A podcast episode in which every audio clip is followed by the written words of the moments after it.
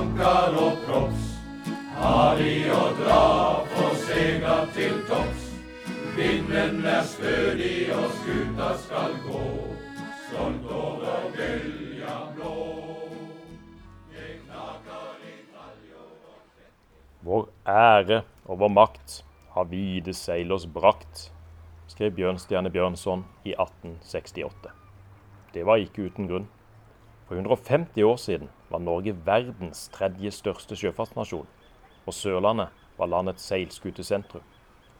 Kyststripa fra Risør til Lillesand var landets viktigste distrikt for skipsbygging, og Arendal var Norges største sjøfartsby. I podkasten De hvite seil, historier fra Sørlandets siste seilskutetid, vil du få høre ramsalte historier om mennesker, skip og økonomisk vekst og fall.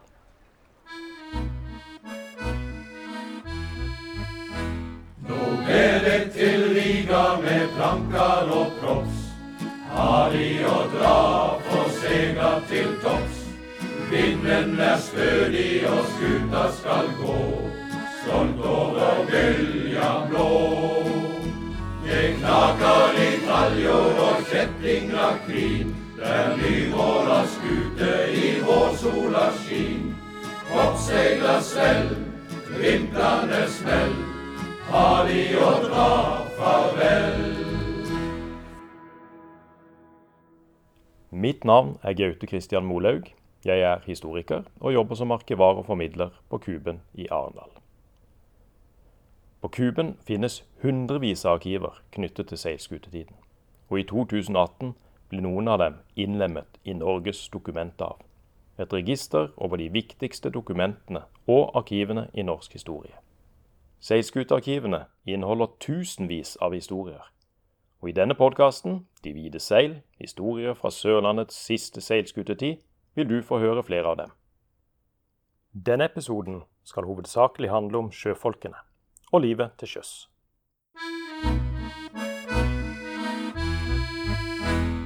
I løpet av 1800-tallet vokste befolkningen i Norge voldsomt. Fra 1801 til 1875 ble folketallet i Norge mer enn fordoblet, og i Europa var det kun Irland som hadde en sterkere befolkningsvekst. Befolkningsøkningen førte til et stort press på ressursene, og mange nordmenn så seg nødt til å utvandre. I Agder var det også sterk befolkningsvekst, men frem mot 1875 var det forholdsvis få som utvandret. Faktisk opplevde kystområdene på Sørlandet en innvandringsbølge. Hovedårsaken var denne enorme veksten i skipsfarten. Både innen skipsbygging og ikke minst på havet var det et økende behov for arbeidskraft. Dette gjaldt spesielt i områdene rundt Grimstad og Arendal. Ingen andre steder i landet lå verftene tettere enn i Grimstad, og Arendal var Norges største sjøfartsby. Historikerne Berit Eine Johnsen og Gustav Sætra har i boka 'Sørlandsk skipsfart mellom 1600 og 1920' skrevet at skipsfarten i toppår 1875 sysselsatte rundt halvparten av den yrkesaktive befolkningen i Arendal. Samme år utgjorde sjøfolkene alene 16,4% av byens totale folketall. I 1870-årene ble den store seilskuteflåten på Sørlandet bemannet av rundt 15 000 sjøfolk. Mange av sjøfolkene kom fra bygdene omkring byene, men det seilte også utenlandske sjøfolk om bord på sørlandske skuter, og de fleste av dem kom fra Sverige. Sjøfolkene var en ung yrkesgruppe. De fleste som gikk til sjøs, gjorde det i ung alder, der de yngste ikke var mer enn rundt ti år gamle. For å drifte et seilskip trengte en flere ulike stillinger, som matroser, båtsmenn, seilmakere, tømmermenn, kokker og navigatører. Stillingene inngikk i et hierarki der drengene sto nederst, og der kapteinen, også ofte kalt skipperen, var skipets definitive sjef.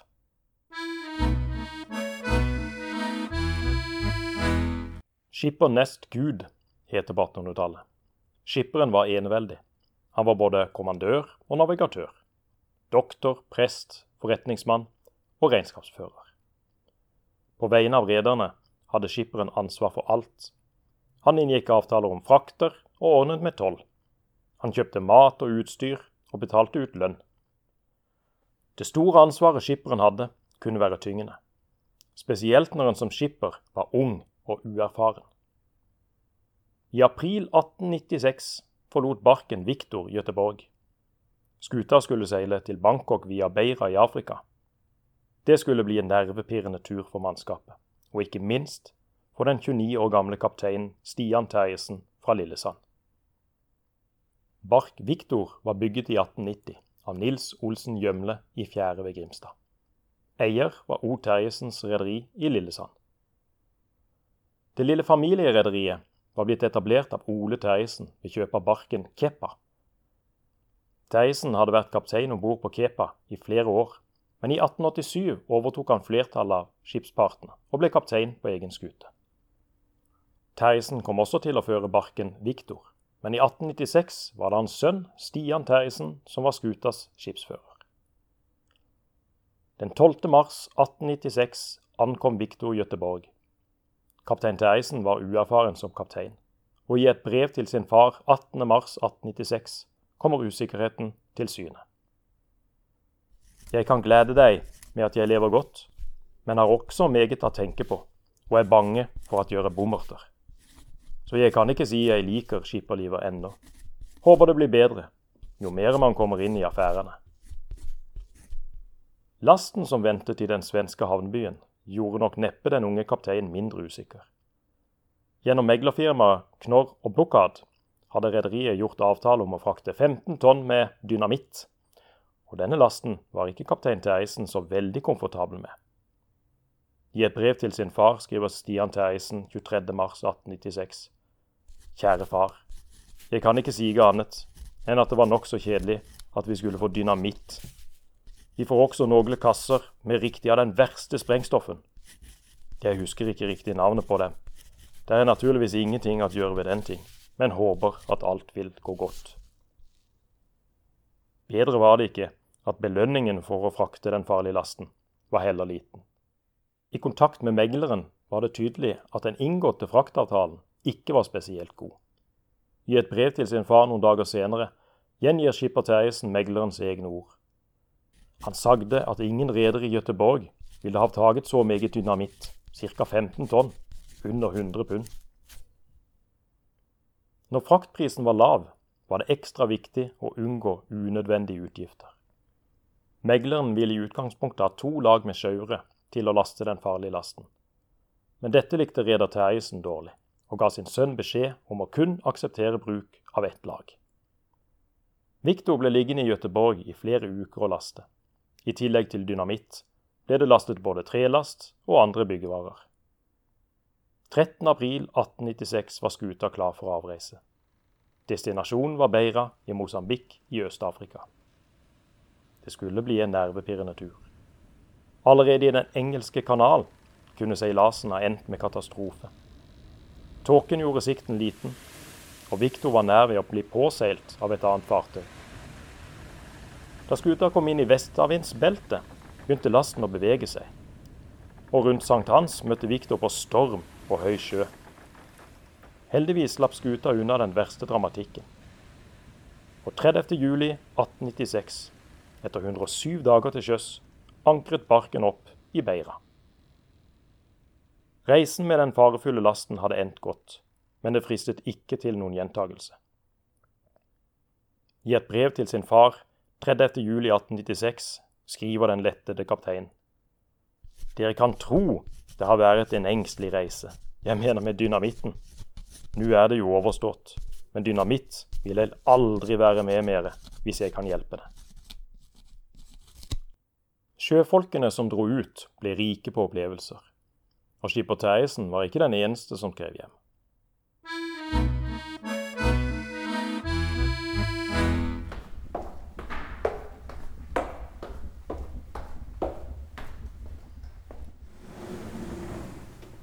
Ja, nå står vi her nede på lesesalen på Kuben, og jeg står sammen med arkivar Anne Gåsrud. Og hva er det vi står og ser på nå? Ja, her ser vi en eh, brevsamling bestående av 89 eh, brev. De er eh, skrevet i perioden 1873 til 1887. Eh, og de er skrevet til eh, en Randi Olsen Skjulestad, som bodde i Austre Moland. Og de er da skrevet av hennes brødre, som var seilskultskippere. Og disse brevene her de er veldig spesielle. De gir et veldig unikt bilde av hverdagen på sjøen, og ikke minst oppholdet i utlandet og utenlandske havner. Så ser jeg her det er et brev Nå kan jeg ikke helt se hva som står, men det er Ja, nei, dette er brev fra Lars Olsen Skjulestad, som er da broren til Randi. Og det er skrevet uh, i Havanna 9. mai 1884.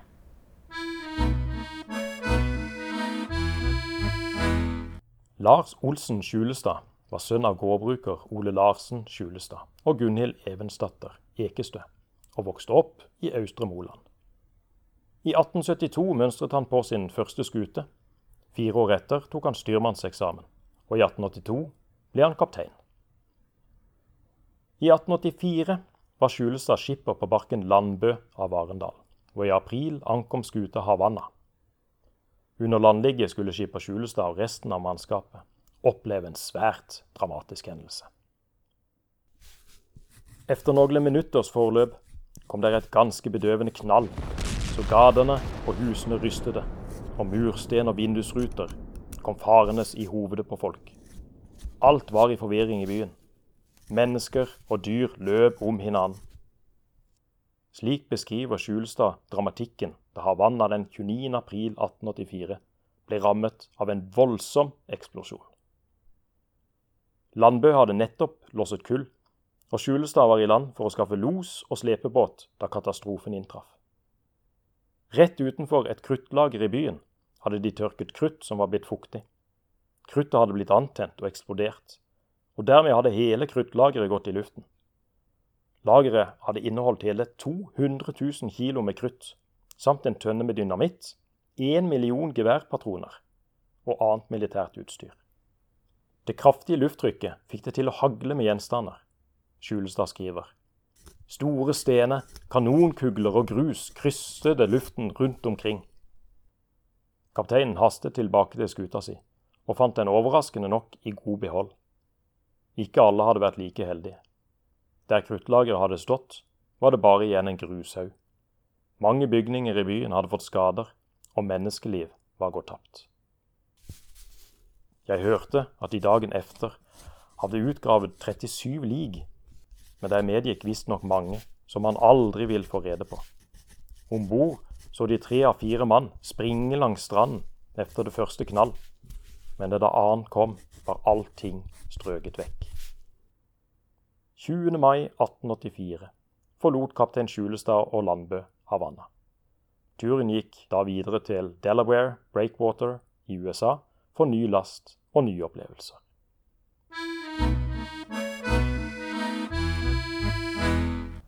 Men er alle disse brevene skrevet av, eh, av menn? Nei. Det, av og til fikk damene lov å være med, de også. Så her har vi et eksempel. Dette er fra Emma. Og hun har da også skrevet til Randi. Eh, fra Newport i 1883.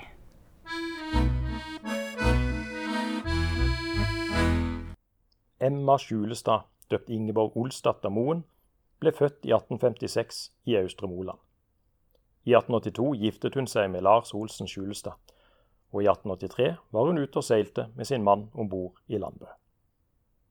14.10 forlot de Pitio i Østersjøen, og 10.12 ankom de havnebyen Newport i Wales. I Newport ble det julefeiring. Selve julaften foregikk om bord i Landbø. Men 28.12 ble det arrangert julefest på land for sjømennene som var i byen.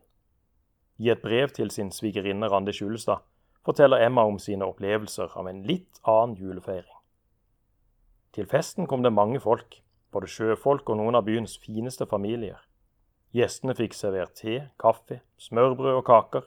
I tillegg ble det fat med appelsiner, epler, fiken, rosiner og nøtter året rundt. I løpet av festen holdt pastor Silhus en tale både på engelsk og norsk. Han snakket om hjemlandet og om juletreets symbolikk men selv om det var to juletrær, var de ifølge Emma for små, fordi det ikke gikk an å henge julegaver på dem. Det var kommet mange julegaver fra forskjellige kvinneforeninger i Norge, Skjerf, strømper og pulsvanter ble delt ut til sjøfolkene. I brevet skinner det gjennom at Emma savna den norske julefeiringen. I tillegg møtte hun en julefeiring på et fremmed språk, og det plaget henne at hun ikke kunne snakke engelsk, og derfor ikke kunne prate med de engelske gjestene. I brevet skriver hun Jeg tror det hadde vært morsommere om det hadde blevet sunget flere norske sanger og ikke så meget engelsk. 11.1.1884 forlot Landbø den walisiske havnebyen og satte kursen for Havanna, der også Emma skulle få oppleve den dramatiske eksplosjonen i byens kruttlager. Selv om det kunne skje mye dramatisk ved landligget, var det først og fremst på havet de fleste sjøfolkene opplevde den største dramatikken. Seilskipene var avhengige av vind for framdrift, men av og til kunne det bli i meste laget.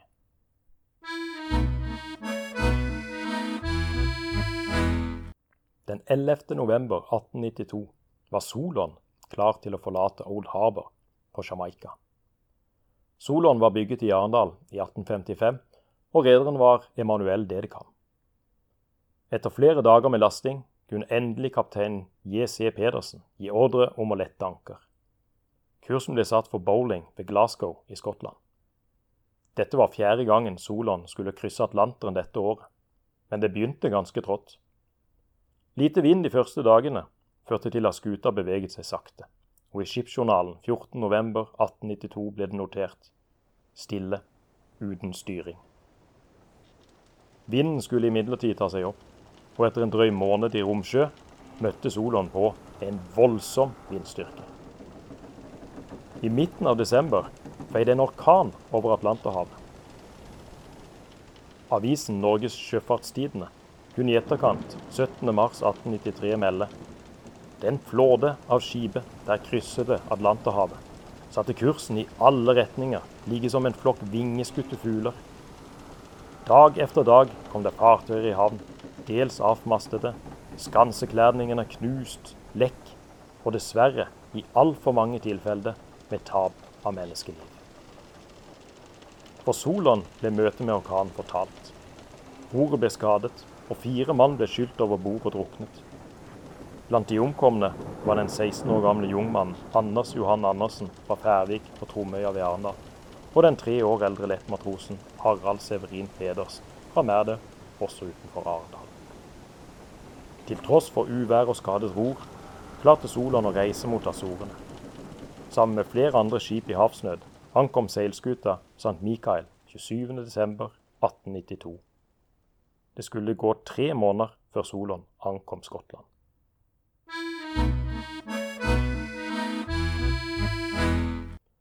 Livet om bord på en seilskute var hardt, og ikke alle taklet flere uker i Romsjø like godt. Mange sjøfolk ble avmønstret i fremmede havner. Noen gikk i land for å søke landbasert arbeid, mens andre søkte hyre på nye skip. Ofte skjedde avmønstringen i ordnede former, men mange av sjøfolkene dro også uten lov. I 1874 skal nærmere 2000 sjøfolk ha rømt fra norske skip. De aller fleste rømningene skjedde i New York. Det var også her Briggen 17. mai av Arendal opplevde rømningsforsøk. Høsten 1836 forlot Briggen 17. mai Arendal. Skuta ble ført av A.B. Jørgensen, og reder var Christian Stefansen. Da skipet ankom New York sommeren 1837, rømte fire av sjømennene. Det likte kapteinen dårlig. Tre av dem ble funnet, brakt tilbake til skipet og låst inne om bord. Men da skipet skulle fortsette sin silas, slapp de løs. Men ved neste landligge i New York ble de nattestid igjen låst inne. Kapteinen syns imidlertid ikke dette var en spesielt god løsning. Etter noen dager ble mannskapet innkalt til rådsmøte på kapteinens lugar. Kaptein Bie Jørgensen ønskes å sette de tre fri, men først når han blått, kunne være betrygget og forsikret om at disse ikke igjen skulle forlate skipet, og dermed sette ham i omkostninger og forlegenhet. Det øvrige mannskapet forsikret kapteinen om at de tre rømlingene hadde angret på det de hadde gjort, og svarte kapteinen at de, alle for én og én for alle, ville garantere for disse tre menn, slik at de ikke rømte igjen. Avtalen ble formalisert i en kontrakt signert av mannskapet 18.12.1837. Hvorvidt noen av de tre forsøkte å rømme igjen, sier kontrakten lite om. Men ifølge mannskapenes lønningsbøker seilte alle de tre rømlingene med Briggen fram til 1841. Sjøfolkenes behov og rettigheter kom mer og mer i fokus, og i siste halvdel av 1800-tallet ble det stiftet flere sjømannsforeninger på Sørlandet. En av dem var Dypvåg sjømannsforening.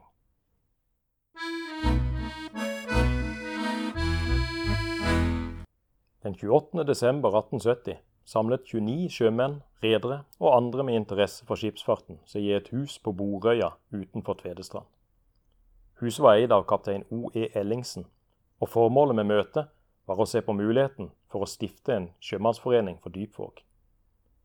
At møtet fant sted dette året, var neppe helt tilfeldig. I 1870 var Dypvåg landets største skipsfartsdistrikt utenfor byene. Kun ni sjøfartsbyer kunne skilte med en større tonnasje dette året. I møtet i Ellingsens hus ble det klart at samtlige menn ønsket en forening velkommen, og Dypvåg sjømannsforening var dermed stiftet. I stiftelsesmøtet ble det også laget lover for foreningen. Foreningens formål skulle være at virke for sjøfarten og sjømannsstandens interesser, navnlig ved å skaffe medlemmene underretning om de vesentligste saker vedkommende skipsfarten samt ved at stå hverandre bi med råd og dåd. Samtidig som sjømannsforeningene ble stiftet, skjedde det også noe med sjøfolkenes utdannelse.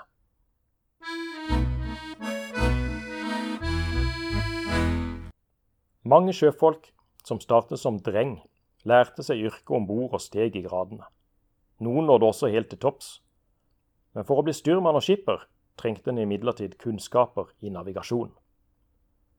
Under napoleonskrigene i starten av 1800-tallet var det flere nordmenn som fikk sin navigasjonsutdannelse i fangenskap på britiske prisonskip. Heldigvis var ikke dette normalen.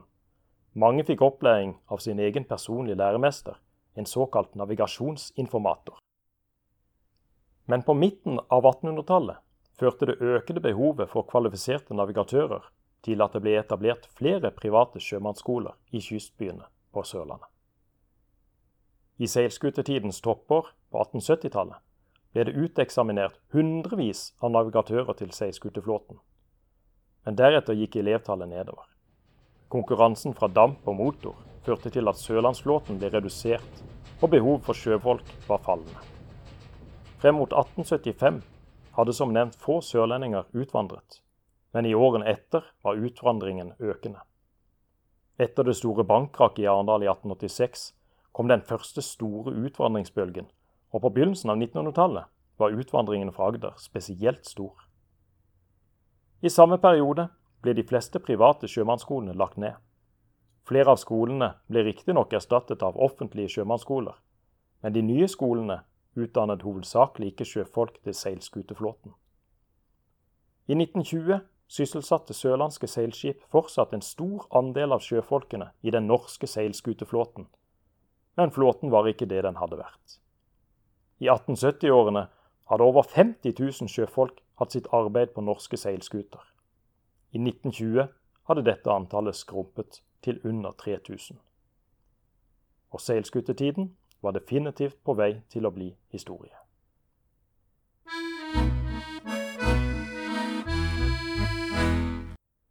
Du har nå hørt podkasten De hvite seil Historier fra Sørlandets siste seilskutetid. Podkasten er laget av Aust-Agder museum og arkiv, med økonomisk støtte fra Agder fylkeskommune. Produsent er Terje Ellefsen, og musikken fremført av sjømannskoret Hermanos.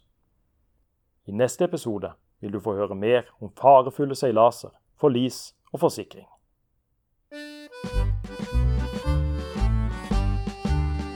Was a cold and frosty morning in November when all of my money it was spent.